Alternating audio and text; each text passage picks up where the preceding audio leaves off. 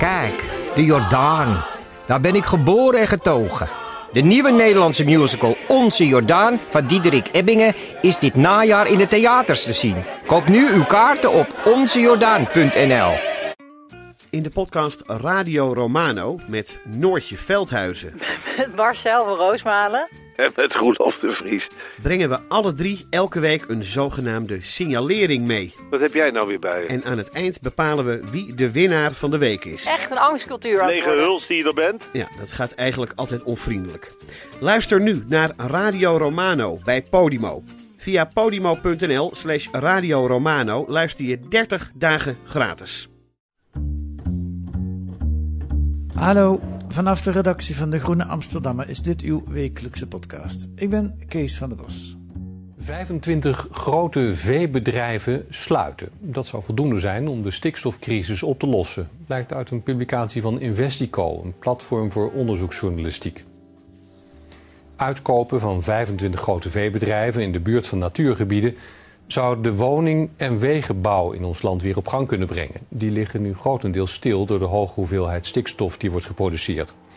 Volgens het onderzoek stoten grote of ouderwetse bedrijven, zogenoemde piekbelasters, wel honderden keren zoveel stikstof uit als een woningbouwproject.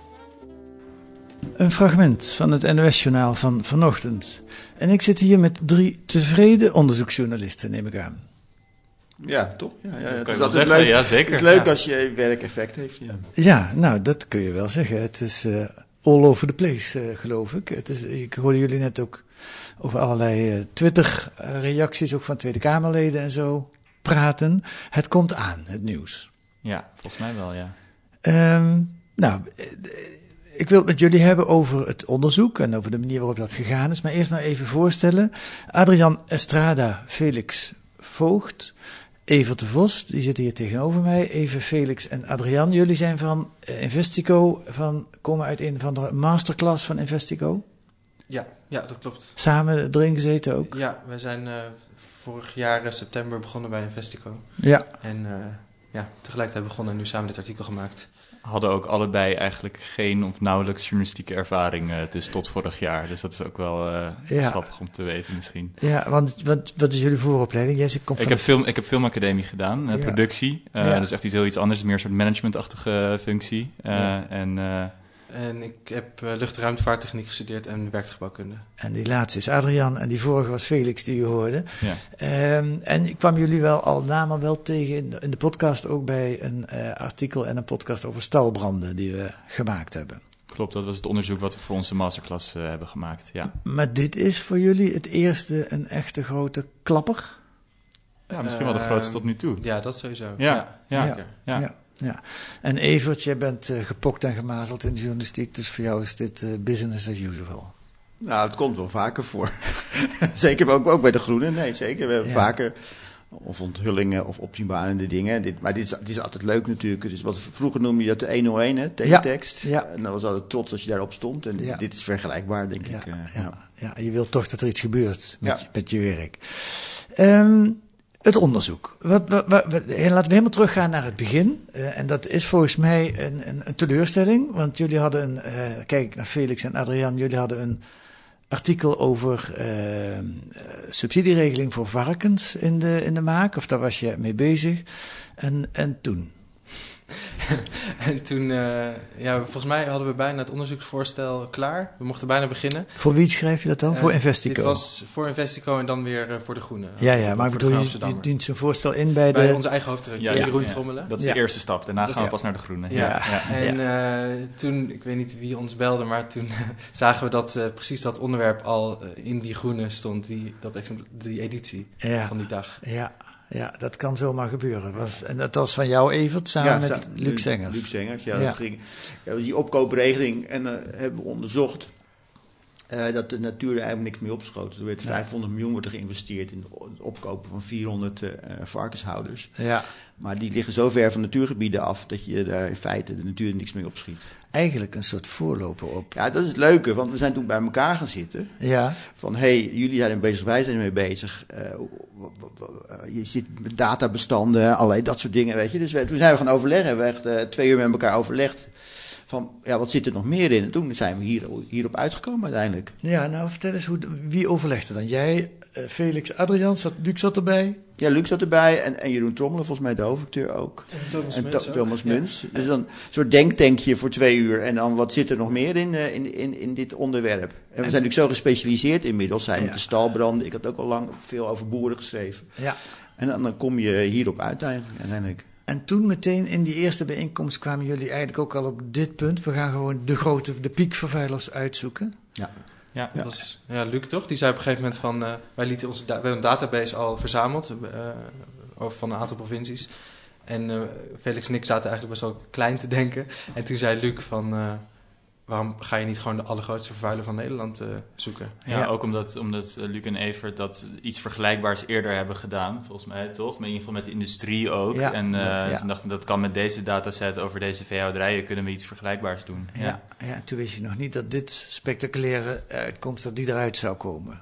Nee, we hadden wel een vermoeden dat, dat, eh, dat er grote verschillen zouden zijn. Ja. Ja. Ja. en ook omdat eigenlijk, we hebben het nu in cijfers aangetoond, maar het, eh, de, wat we laten zien, het concept, dat is al lang bekend bij experts. Ja. Dus dat is niks nieuws. Ja, nou ja, dat is een van de dingen die mij ook wel verbaast. Hè. Johan Remkes schrijft het ook al in zijn tweede rapport, geloof ik, van je moet gewoon de piekvervuilers eh, aanpakken. Maar blijkbaar was tot vandaag nog niet bekend wie die piekvervuilers eigenlijk zijn.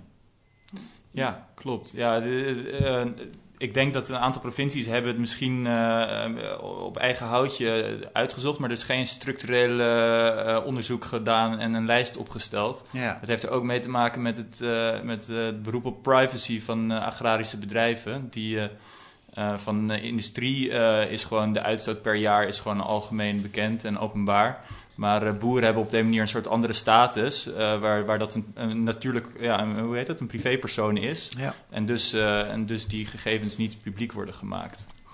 Even weer terug naar het onderzoek. Wanneer was die bijeenkomst met z'n zessen zo'n beetje dat je dat zat te brainstormen en, en eh, we, we gaan die piekvervuilers gaan we zoeken? Hoe lang is dat geleden?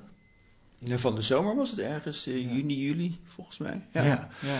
En het is nu augustus, september, oktober, november, december, eh, vijf maanden later. Eh, waarom hebben jullie er zo lang over gedaan? Ja, we hebben eigenlijk uit, dat, uit die ene meeting eh, kwamen eigenlijk twee onderzoeken. Ja, Dus we hebben eerst een onderzoek gedaan, eigenlijk een vervolgonderzoek op het, naar die subsidieregeling voor de varkenshouderij. Dat is ja. een uitkoopregeling.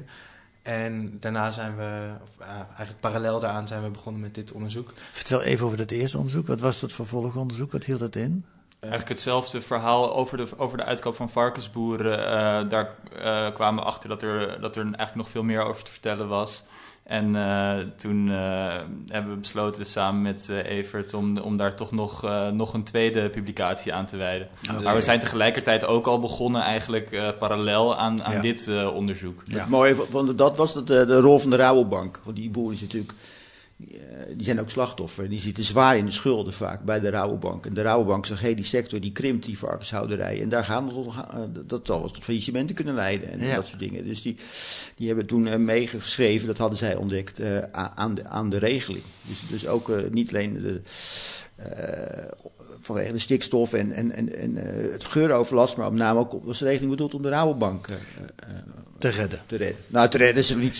Te redden is overdreven, maar in ieder geval Te helpen. Te helpen. Ja, Ja, ja, ja. En, maar dus dit is, begreep ik, dan hebben we ook nog twee andere mensen, twee stagiaires hebben we aan, eh An- Anda Silva en Madelon de Goffouw. Hebben hier ook nog aan meegewerkt. Die Ja. hebben ook ja, maanden zitten bellen eh, om, om, om, om eh, milieuvergunningen te krijgen, noem maar op. De- de- Ja. Dat soort dingen zijn helemaal niet zo openbaar in Nederland dan je denkt. Ja. Dus er is heel veel werk in bellen, mailen, achteraan zitten. Ja. En vervolgens ook met boeren bellen en mailen die vervolgens niet willen praten. Nou, er zit, er zit gewoon heel veel eh, eh, werk in. Ja. Nee, dat geloof ik. Kun je dat, kijk naar Felix en Adriaan, kun je dat iets concreter maken? Want jullie zijn allebei geen specialisten op, eh, op veegebied, op boerengebied. Ja, goed, je hebt dan niet zo die subsidieregeling voor varkens, heb je, die afval heb je wat geschreven. Dan wil je de piekbelasters weten. Is dat moeilijk? Hoe pak je dat aan? Ja, dat was wel moeilijk en daar hebben we uren, tientallen uren wel over gepraat. Over nou, wat is nou de goede aanpak, wat is een goede techniek. Heel veel dingen geprobeerd. Eh, ook heel veel hè, eh, methodes of technieken die, die kwamen op niks uit. Wie bel je dan in zo'n stadium? Ik kan me voorstellen dat je dan ook met experts belt van de, Ja. die vraag voorlegt. Hoe zou jij dat aanpakken? Ja, dus we hebben gesproken met ingenieurs van eh, het RIVM, eh, van Wageningen Universiteit, ehm, ja, talloze experts. Mhm. Ja. Ehm, en eh, ja, overlegd. We hebben een computerprogramma eh, gebruikt. We hebben de makers, of de beheerders van dat programma eh, opgebeld. We hebben onze methodes voorgelegd. En zo gaandeweg eh ja, die zijn we uitgekomen op deze ehm, uitkomst. Hè, Deze manier van het laten zien. Die lijkt heel simpel, maar dat Ja. duurde best wel lang om, om op deze manier daar uit te komen. Als ik het goed snap, is het eigenlijk vooral een kwestie van dataonderzoek. Verschillende data die in verschillende bestanden zitten, naast elkaar leggen, optellen en aftrekken en kijken wat verantwoord is. En dat ook in overleg met de experts doen. Klopt. En zo kom je dan tot de 25 grootste vervuilers. Klopt, ja. En eh, daarnaast eh, de natuur in. Want een van de gekke dingen die ik ook helemaal niet wist, dat zag ik ook, eh, die ik las, dat, dat oh, begin deze maand nog helikopters kalkhoudende schelpengruis over de Veluwe uitstrooien om de verzuring tegen te gaan. En die verzuring, is dat een gevolg van die stikstof eh, Ja. die eruit uitstoot? Hè? Ja, ja, ja. Eh, zo gek is het. Dat helikopters boven de natuurgebieden vliegen en schelpenzand naar beneden gooien om het een beetje om de schade te beperken. Het is eigenlijk een gevolg van eh, die, die pasmaatregel die is afgeschaft door de rechter. Project aanpak stikstof. Daardoor is er geld beschikbaar gekomen voor dit soort eh, eh, eh, maatregelen. Hoezo? Leg dat eens uit. Nou ja, toen- de, de pas die zeiden, oh je kan vast beginnen met bouwen, want we gaan dat soort dingen, dat, die maatregelen nemen. En die, zijn, die bestrijden de stikstof. Ja. Alleen het zijn, in dit geval zijn het maatregelen die voor 1, 2 jaar voldoende zijn. Maar dan, dan is dat, dat gruis is al lang weer verwerkt, is al lang weer opgelost. Ja. Dus dat zijn hele, vaak soms hele tijdelijke maatregelen. Zoals dat in het stuk staat, dat die plaggen weghalen op de hei. Ja. Het zijn hele tijdelijke maatregelen die met pasgeld zijn gefinancierd vaak al. Vaak, maar die dan voor 1, 2 jaar wat sulaas bieden. Maar helemaal geen structurele oplossing eh, bieden. Maar die zaten al in de planning vanwege de oude pas. Bedoel Ja, je dat te zeggen? ja, en, en met dat geld ook. Ja, en Ja. zijn typische end-of-the-pipe oplossingen, zoals dat in de milieumanagement termen heet, geloof ik. Je doet niks aan de bron, maar je gaat een beetje... Ze noemen het pleisters pakken, die, die, die boswachters die daar die hebben gesproken. Ja. Ja, ja, ja. Eh, jullie zijn de natuur in geweest, daar ga ik een stukje van eh, laten horen. We lopen hier langs natuurgebied, de Loonse en Drunense duinen. En eh, links een klein beekje, achter weiland naast een bosje. En rechts de varkenshouderij. Sommige momenten, sommige plekken ruik je het niet heel sterk, maar andere plekken weer echt eh, veel sterker. Het lijkt heel, eh, heel abrupt te zijn, die overgang van wel of geen stank. En eh, links van mij dat kleine bosje. Daar is moeilijk te begaan door alle bramen die er staan. Er staan ook veel varens. Ook vol met berkenbomen. Allemaal tekenen van verzuring.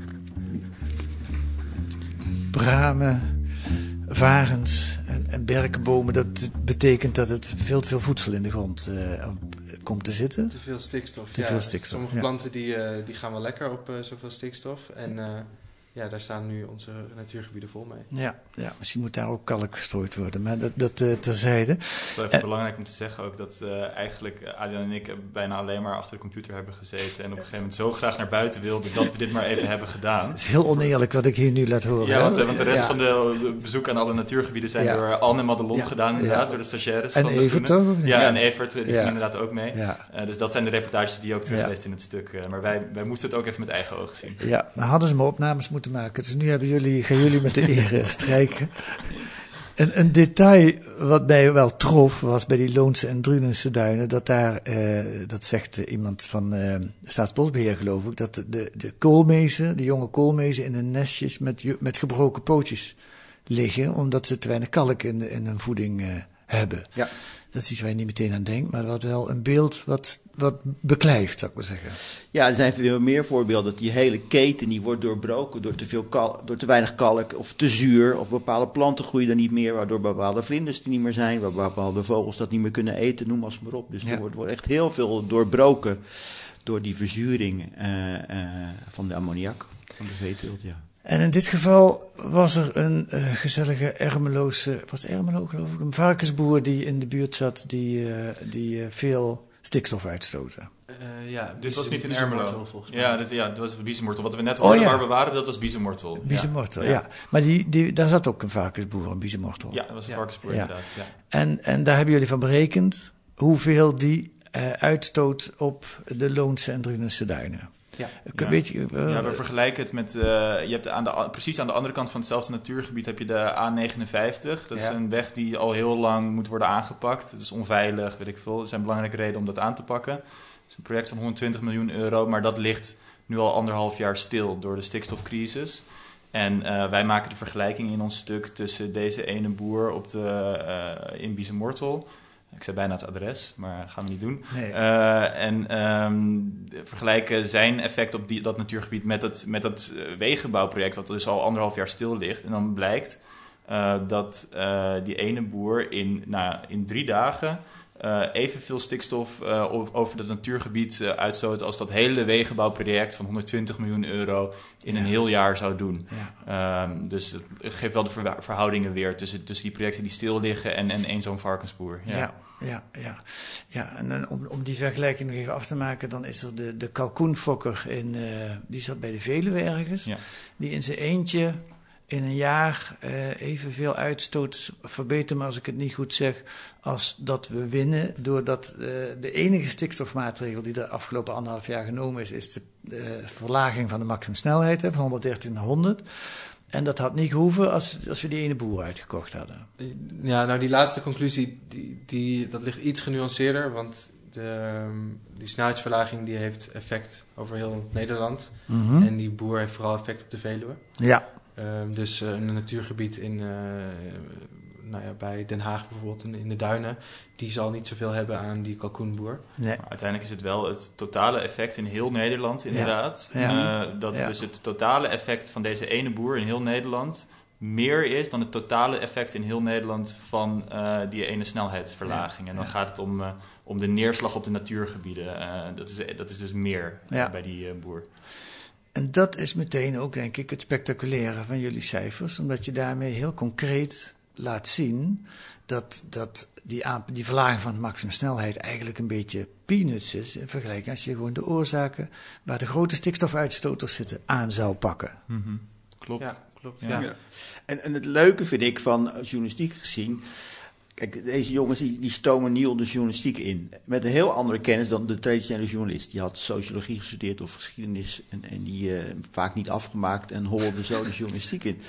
Ik zei, eh, nou, maar dan in dit geval Adriaan heeft een ontzettende beta-achtige grond. En, en Felix heeft daar belangstelling voor, of die, die is daar ook eh, goed in. Dus, dus je hebt mensen nodig die gewoon tientallen uren deze cijfers eh, willen bestuderen en daar gevolgtrekking. En zo'n programma dan ook snappen vervolgens en daar Ja. met wetenschappers over kunnen praten. Dus er komt een hele nieuwe stroom van, via de masterclass, maar ook via andere kanalen, ander, ander type mensen de journalistiek in. En daardoor kunnen we andere type onderzoek doen. En dan Ja. kunnen we ook, en dat leidt tot dit soort verrassende eh, uitkomsten. Ja, ja.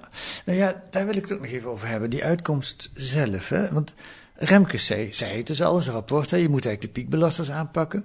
Eh, probeer me eens uit te leggen, waarom is het nu zo'n groot nieuws dat jullie aantonen wie die piekbelasters zijn? Terwijl we eigenlijk al, al sinds Remkes in elk geval ook al langer weten dat, dat ze er piekbelasters bestaan en dat die aangepakt moeten worden. Eén ding, als je de natuur wil redden, dan moet je meer piekbelasters aanpakken. Wij hebben gezegd, met deze 25 kan Nederland weer gaan bouwen. Ja, Weet je, want van de Ja. bouw levert eigenlijk heel weinig eh, Ja. stikstofuitstoot op. We kunnen weer gaan bouwen, dus de acute crisis is voorbij. Willen we de natuur aanpakken, dan moeten we veel meer doen. Dat moeten we er wel bij zeggen. Ja, Ja. maar dat Maar neemt dit is niet een weg. belangrijke eerste stap. Inderdaad. Ja, dit is een belangrijke eerste Ja, stap. Ja, Ja, ja. ja, ja. En waarom is dat nou zo'n groot nieuws? Of, waar, of Ja. anders gevraagd, waarom zijn jullie nou de eerste die dat met naam en toenaam... Nou ja, we zijn de eerste, denk ik, vooral die het hebben kunnen kwantificeren. Ehm, dus die echt hebben kunnen zeggen.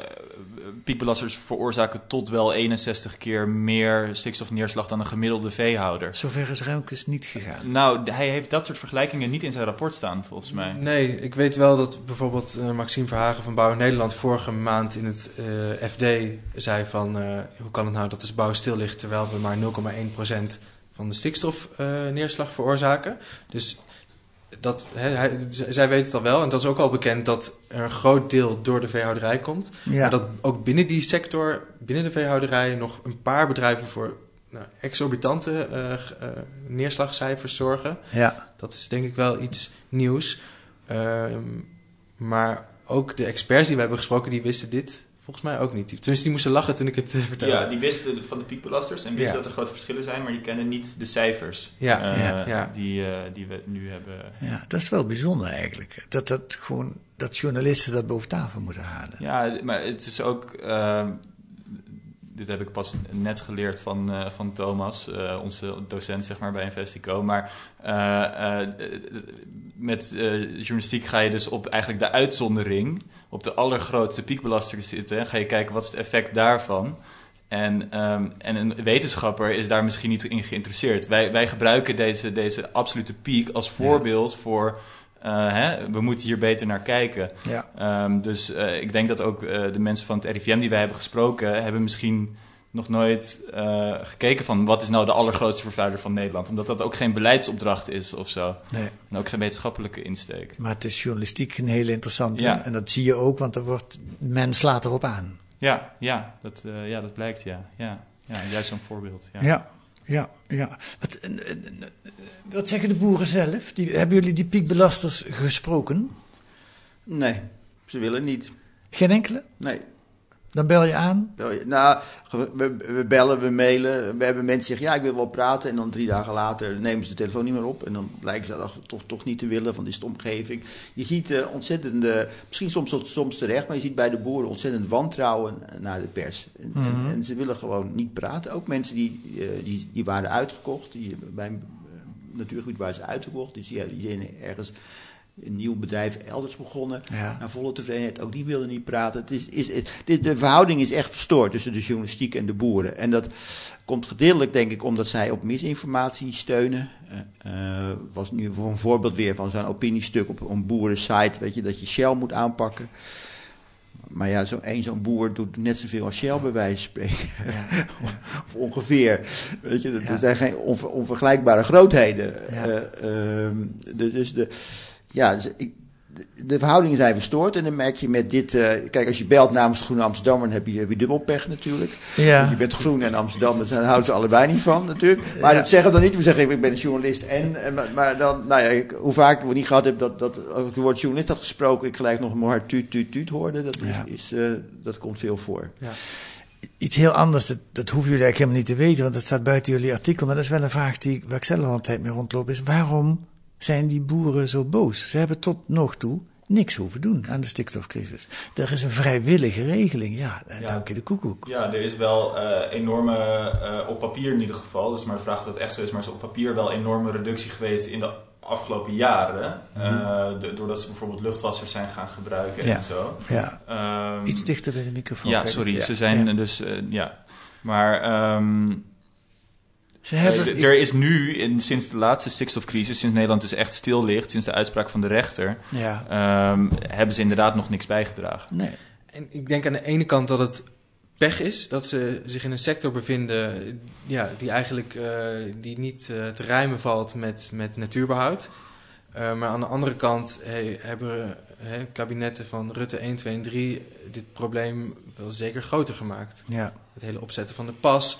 Eh, ik bedoel, in de afgelopen tien jaar zijn gemiddeld genomen natuurgebieden niet verbeterd qua gezondheid. En dit, dit probleem is al heel lang bekend. En ze proberen elke keer met ja, een soort van eh, oplossingen op papier probeert eh, het kabinet de- uit deze crisis te komen. ja en het begon als ecologische crisis. Toen heeft de Raad van State een streep gezet door hun PAS, het programma aanpak stikstof. Eh, daar heeft de rechter een streep door gezet. Sindsdien is het ook een economische crisis geworden. Ja. Maar dat was nog niet zo. ja. Maar, maar op individueel niveau is het best voor te stellen dat je boos bent. Stel, jij, jij zit bij een natuurgebied. Eh, Al, je opa is daar ooit een boerderijtje begonnen. Jij hebt uitgebreid. De Rabobank zei van huppakee, eh, maak van die 100 varkens, maak er 3000 varkens van. Hier heb je het geld, eh, doe maar. Dat is rendabel, anders kunnen we jou niet meer steunen. Ze zijn ook een, een, een, een laan ingelopen of een steeg ingelopen. Waar ze aan het eind van die steeg zitten. Nou, en, ze komen, en ze zitten klem. Ja. Ja. En dat is op individueel niveau is dat natuurlijk een drama. Als jij een familiebedrijf hebt en je wilt aan je kinderen overdoen, dat, dat, dat, die, die, dat is heel goed voor te stellen. En, en daar hebben we natuurlijk alle, alle begrip voor.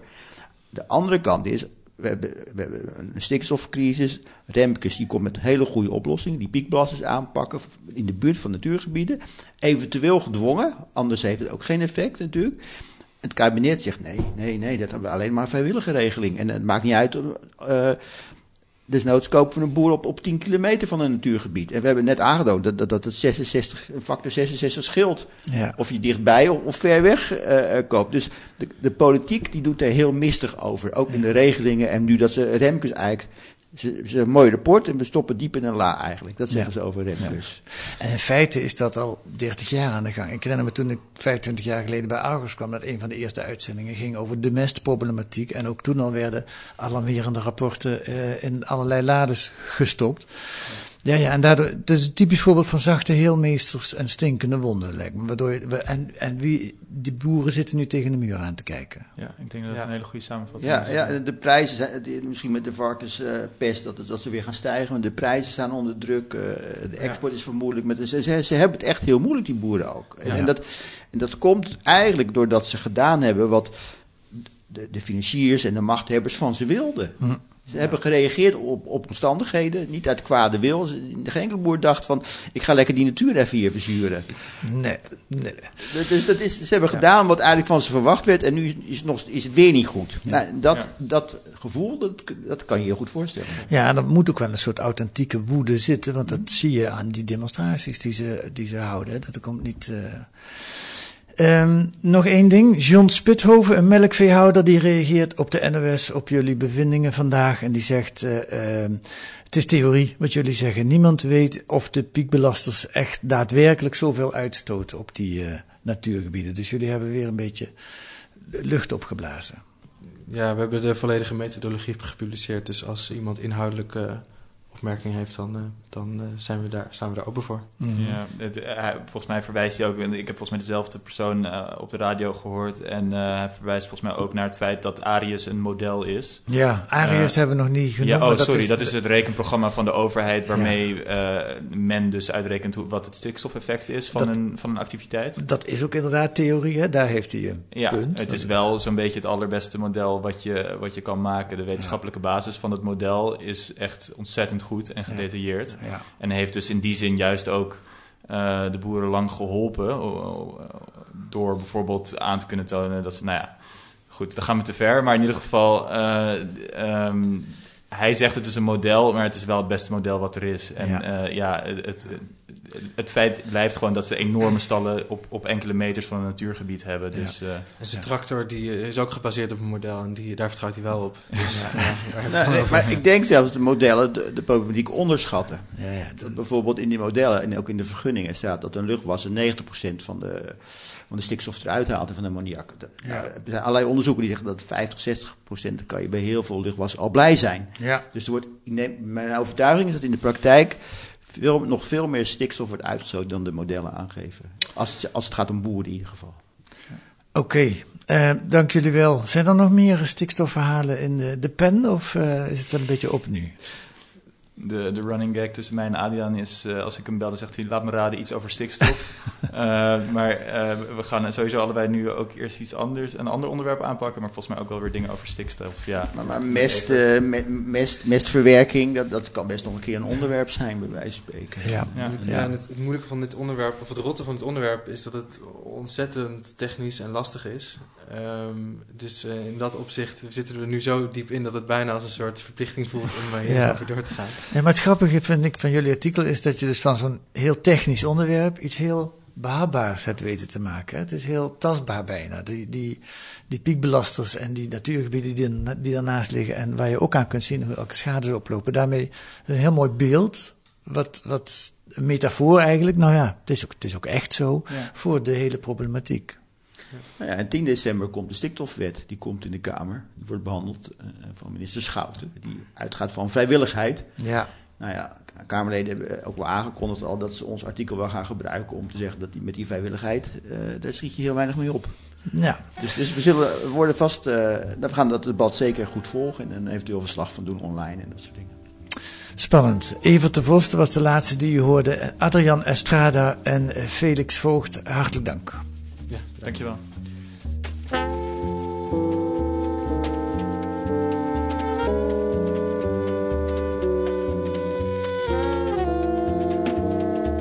Verder deze week in De Groene een reportage uit het mijngebied in Zuid-Polen dat worstelt met de Europese Green Deal. Hoe voorkomen we dat dit Silesië een tweede Limburg wordt? Nou, dat lijkt me wel een schrikbeeld. En een interview met Stephanie Kelton, de econoom die de Modern Monetary Theory bepleit. Ze rekent af met het kloppende huishoudboekje van de staat. De geldpers kan gewoon meer cash creëren en dat kunnen we investeren in de post-corona-economie. Afijn, te lezen deze week in de Groene Amsterdammer. Met een abonnement of een proefabonnement ga dan naar groene.nl. Daar leest u hoe u 10 weken de Groene kunt krijgen voor 15 euro. Ga naar groene.nl. U kunt op deze podcast reageren via de mail. Het adres is podcast.groene.nl podcast.groene.nl. U mag ons ook sterren geven in uw podcast-app. Pod, podcast, podcast-app, dat is het woord. Of een korte recensie, daar worden we weer blij van. Volgende week zijn, er, zijn we er weer met analyses en achtergronden bij het nieuws in deze podcast van de Groene Amsterdammer. Die deze week werd gemaakt door Giselle Mijnlief en Kees van der Bos. Met muziek van A Tune for N van Paul van Kemenaar.